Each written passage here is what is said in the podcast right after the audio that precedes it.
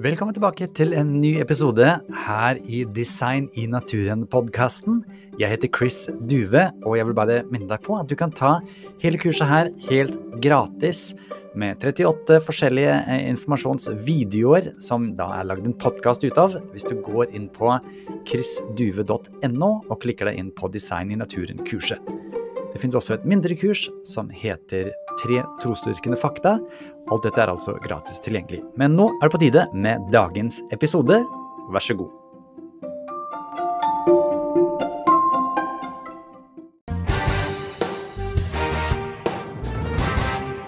Thank you very much, Dr. Matti Laisola from Finland, for joining us.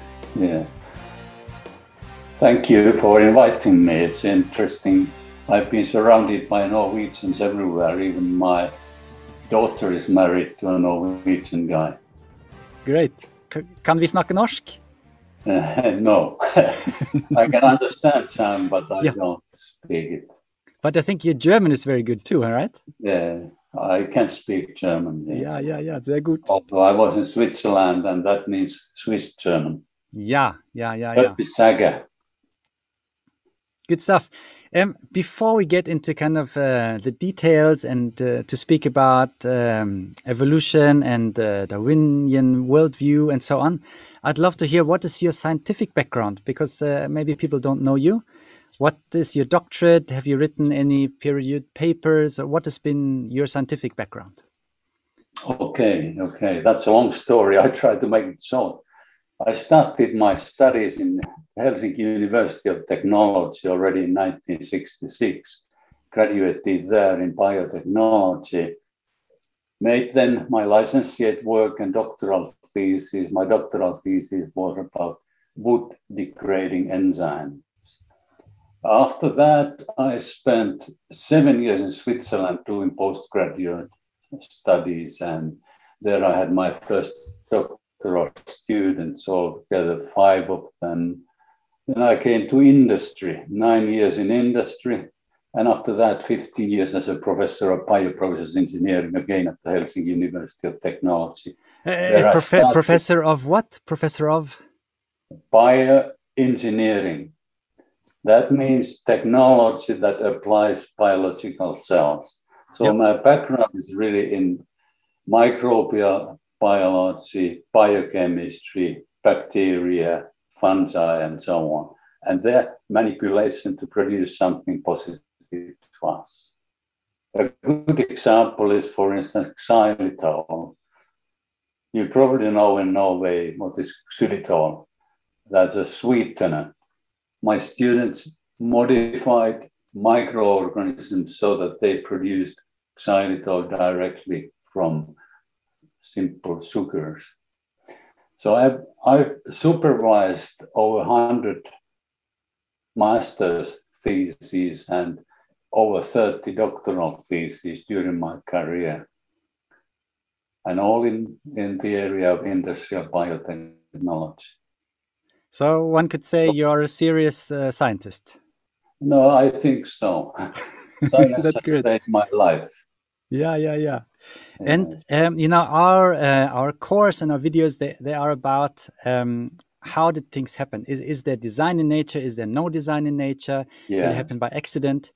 And what were your first impressions when you learned about uh, evolution at school? You know, most of us hear about it at school in the beginning.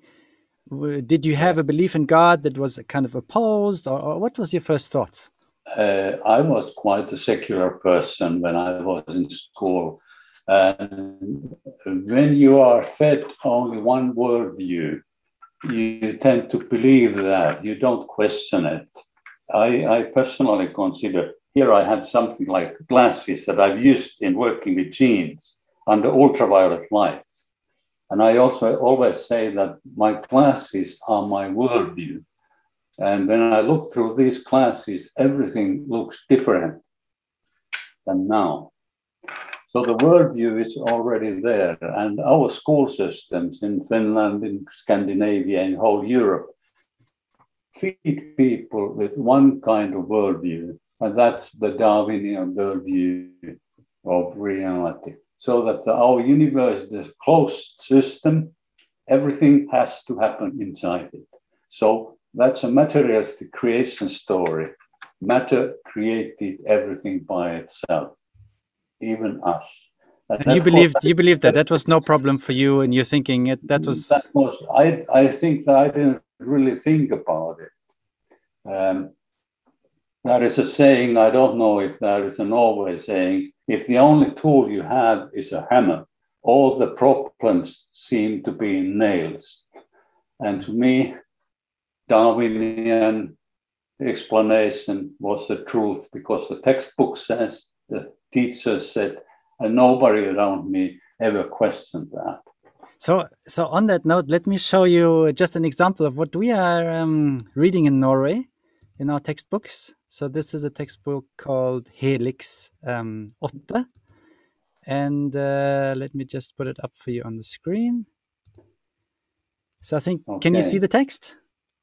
I can I can see the text. Okay, so yes. it says um, basically life has evolved. Life has developed over billions of years. Yes, and it's all about yes, how life started. But but they're honest. They're they're also yes. saying how life started. We may never know, but scientists, and that of course is the authority, consider the first life to have arisen by simple molecules combining to be more complicated molecules, maybe through energy from lightning or sun the process repeated itself, going from less complicated to more complicated, making long yeah. chains.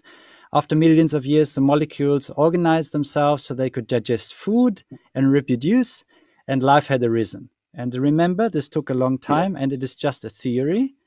Scientists say life arose in the sea, and the first living beings were bacteria like. Since there was no oxygen, they developed photosynthesis really quickly, apparently. Yeah. After a while, new types of cells formed and combined to colonies and worked together. We think today that's how plants and animals uh, evolved.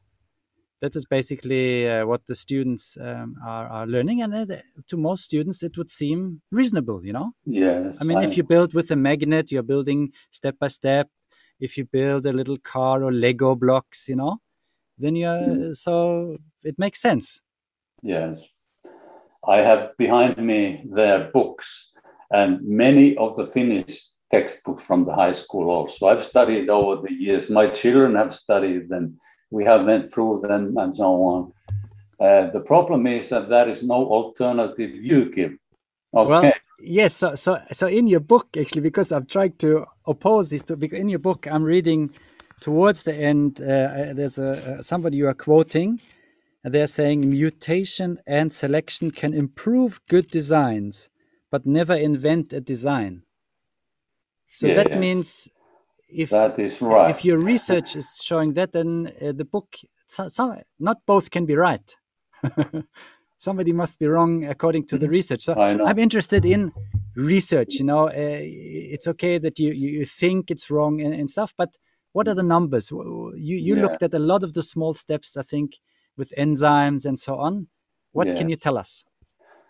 Uh, you are right that both cannot be right. That's a principle that Aristotle already described. If this is my right hand, it is not my left hand. so either everything is formed spontaneously, as you just read, or it is not. I've studied enzymes. On that level, my work has been. That means proteins. And so they're small machines, right? Machinery of the life, yes. You can you can say that enzymes do most of the things that happen. They oxidize, they reduce, they transfer, they change, they modify. I've studied enzymes that basically degrade and degrade wood material. That means cellulose, other fibers, lignin, and so on. So these enzymes, they work like scissors. I like to use that. You have a big fiber, and enzyme cuts it into species. For instance, cellulose fiber is so long that you can see it. You make newspapers out of that. Those small enzyme attacks that and starts to degrade it into glucose sugar. And sugar you can then put on your porridge and it makes it sweet. So these machines are specific tools. And there is no way you can create an enzyme from scratch by chance. How, no do, how do you know it's that? How, how, do you know that it's impossible? how I know. Uh, first of all, these enzyme structures are made of amino acids. And the simple enzyme, I sent you a picture even of xylanase that I've been studying for almost 40 years during my career. First, I produced it, and then I applied it, and then I overproduced and then we modified it to be more stable. It has about, it's a very, very simple enzyme actually, because it has only a little bit over 100 amino acids. And when you start to make calculate how impossible it is to form this kind of enzymes, we are talking about odds against tremendous numbers. And first of all, secondly, the amino acids never come together spontaneously. In a watery environment, the enzyme starts to degrade and not to come together. So if we want to follow the evidence, the evidence shows us, first of all, you, molecules don't form spontaneously. They don't form molecular machines spontaneously. They just degrade spontaneously. So the evidence shows that everything in nature goes just the other way around than the Norwegian textbook says. Nothing goes upwards, everything goes downwards. I started to think these things first time when I was teaching biochemistry.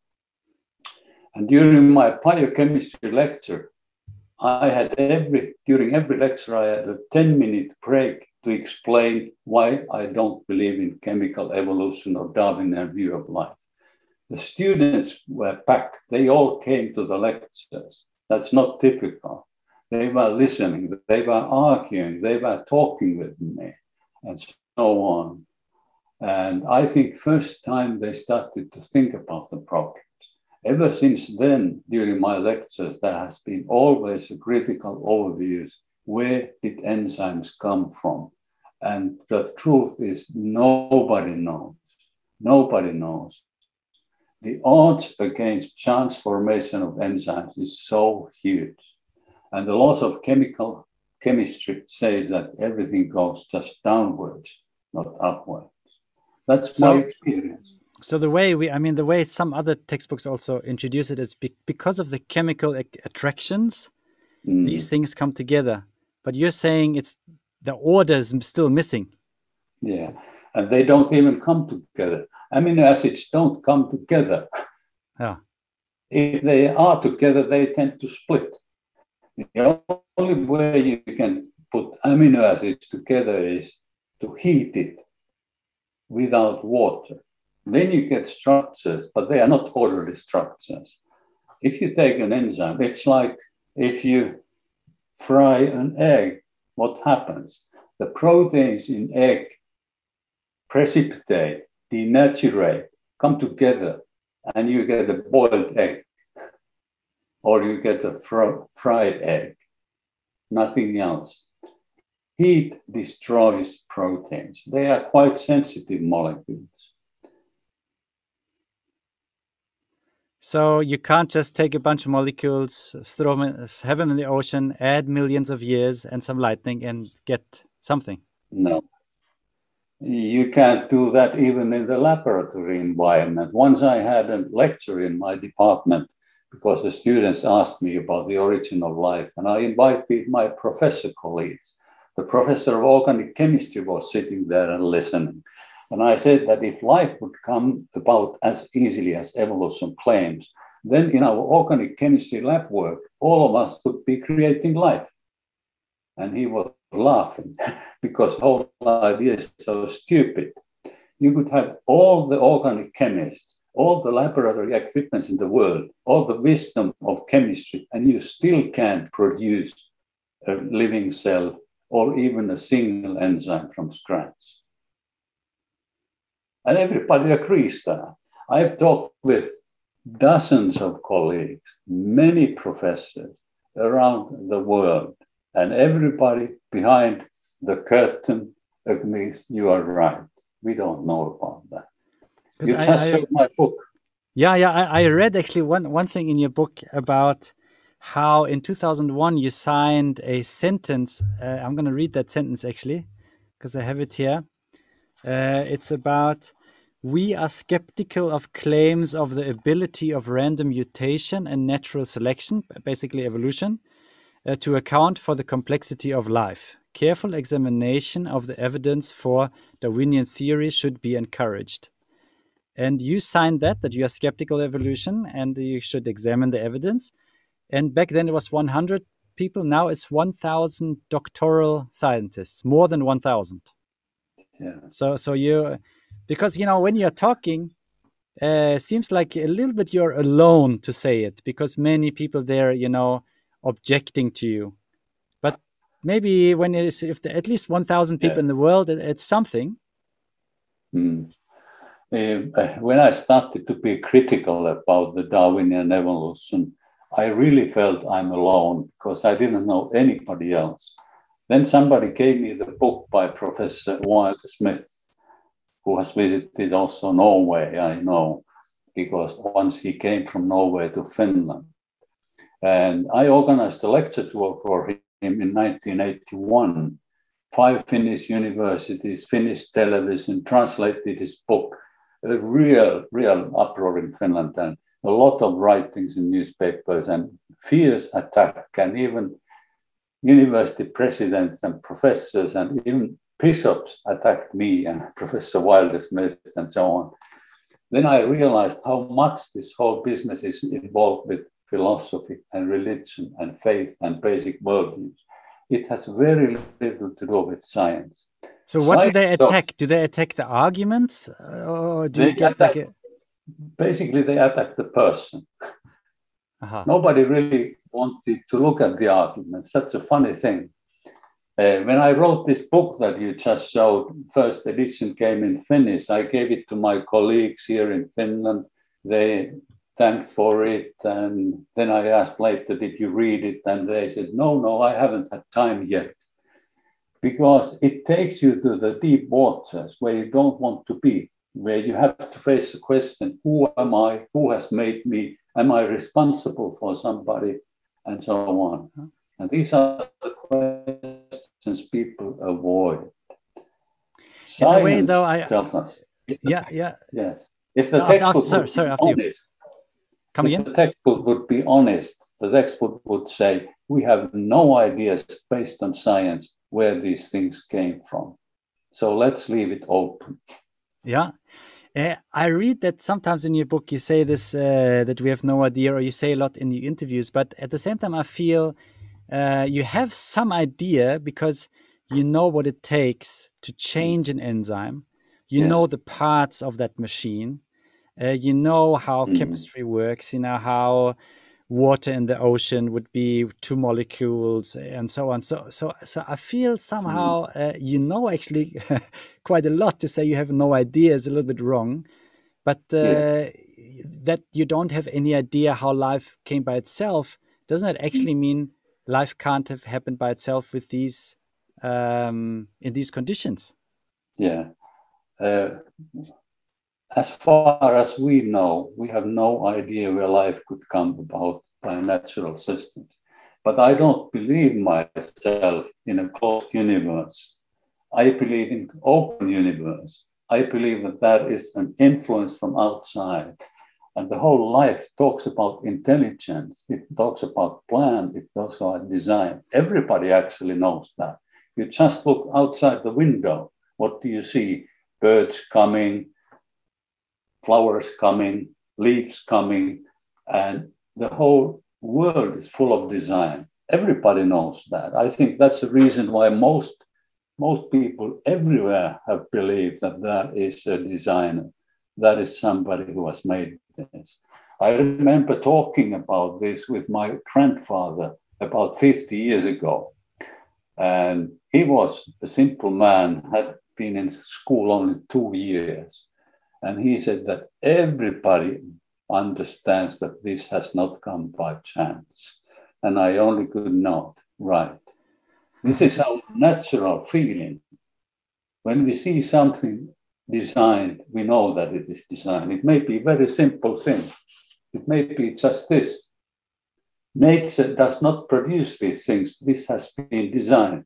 This has a lot of technology. For instance, this glue on this side, it has to be the same level as the paper. So there is a lot of technology in this simple paper. It's designed. Then we see something superior, biology, and we suddenly say it's not designed. That's really stupid. I think it's absolutely stupid. And I think that people in our countries are lied about that all the time.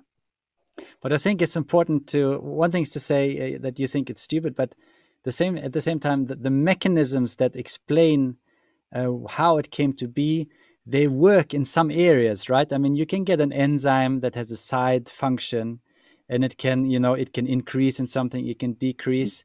So, so i think it's important that some of evolution is right.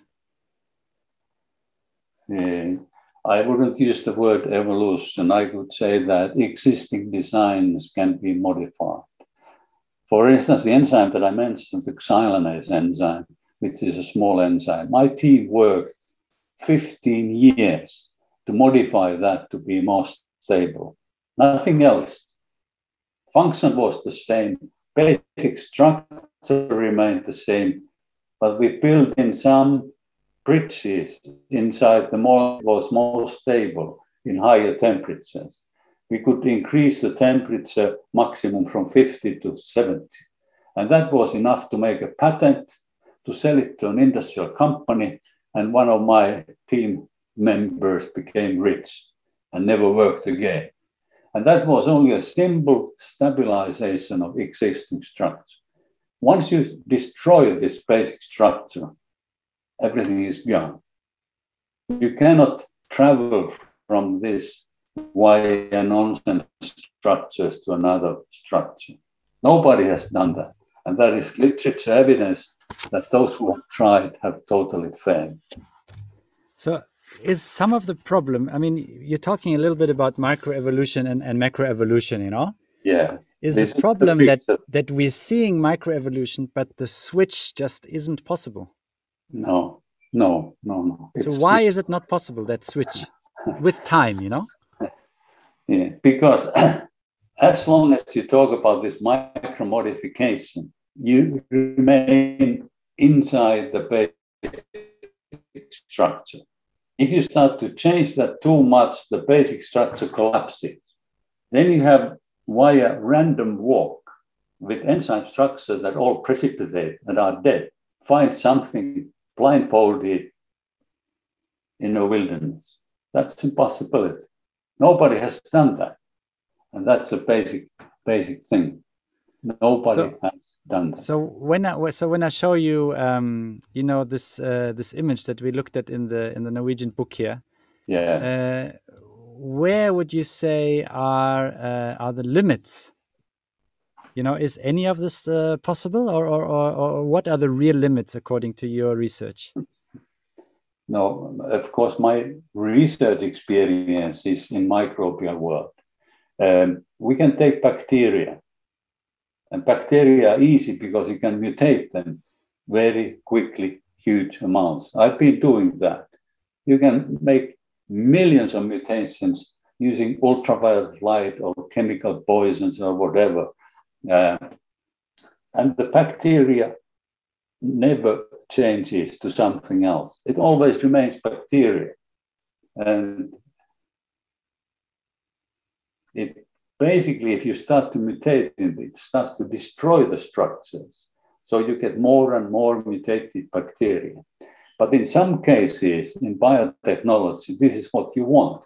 You, for instance, destroy the regulatory mechanism of an organism and suddenly it starts overproduce something it never would otherwise do.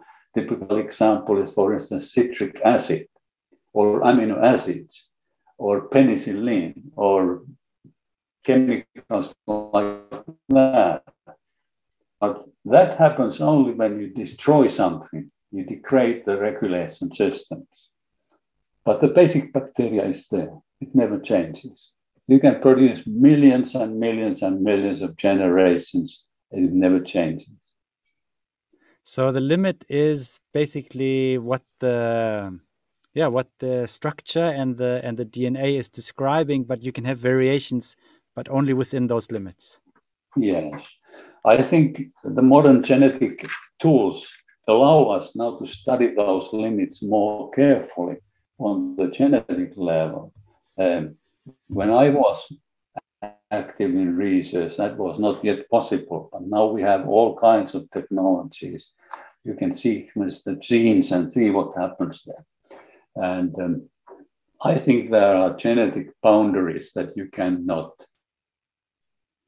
more or less overcome. With on that note, um, thank you so much for this first session. I think we've established that uh, definitely uh, there, there are two different views, and that uh, the science that you've been doing actually confirms the second one, where you're saying there's real limits, and you cannot have kind of the small uh, changes become the big changes. Um, now, of course, that will influence how we think about the world, but I think yeah. let's talk about that in the next session.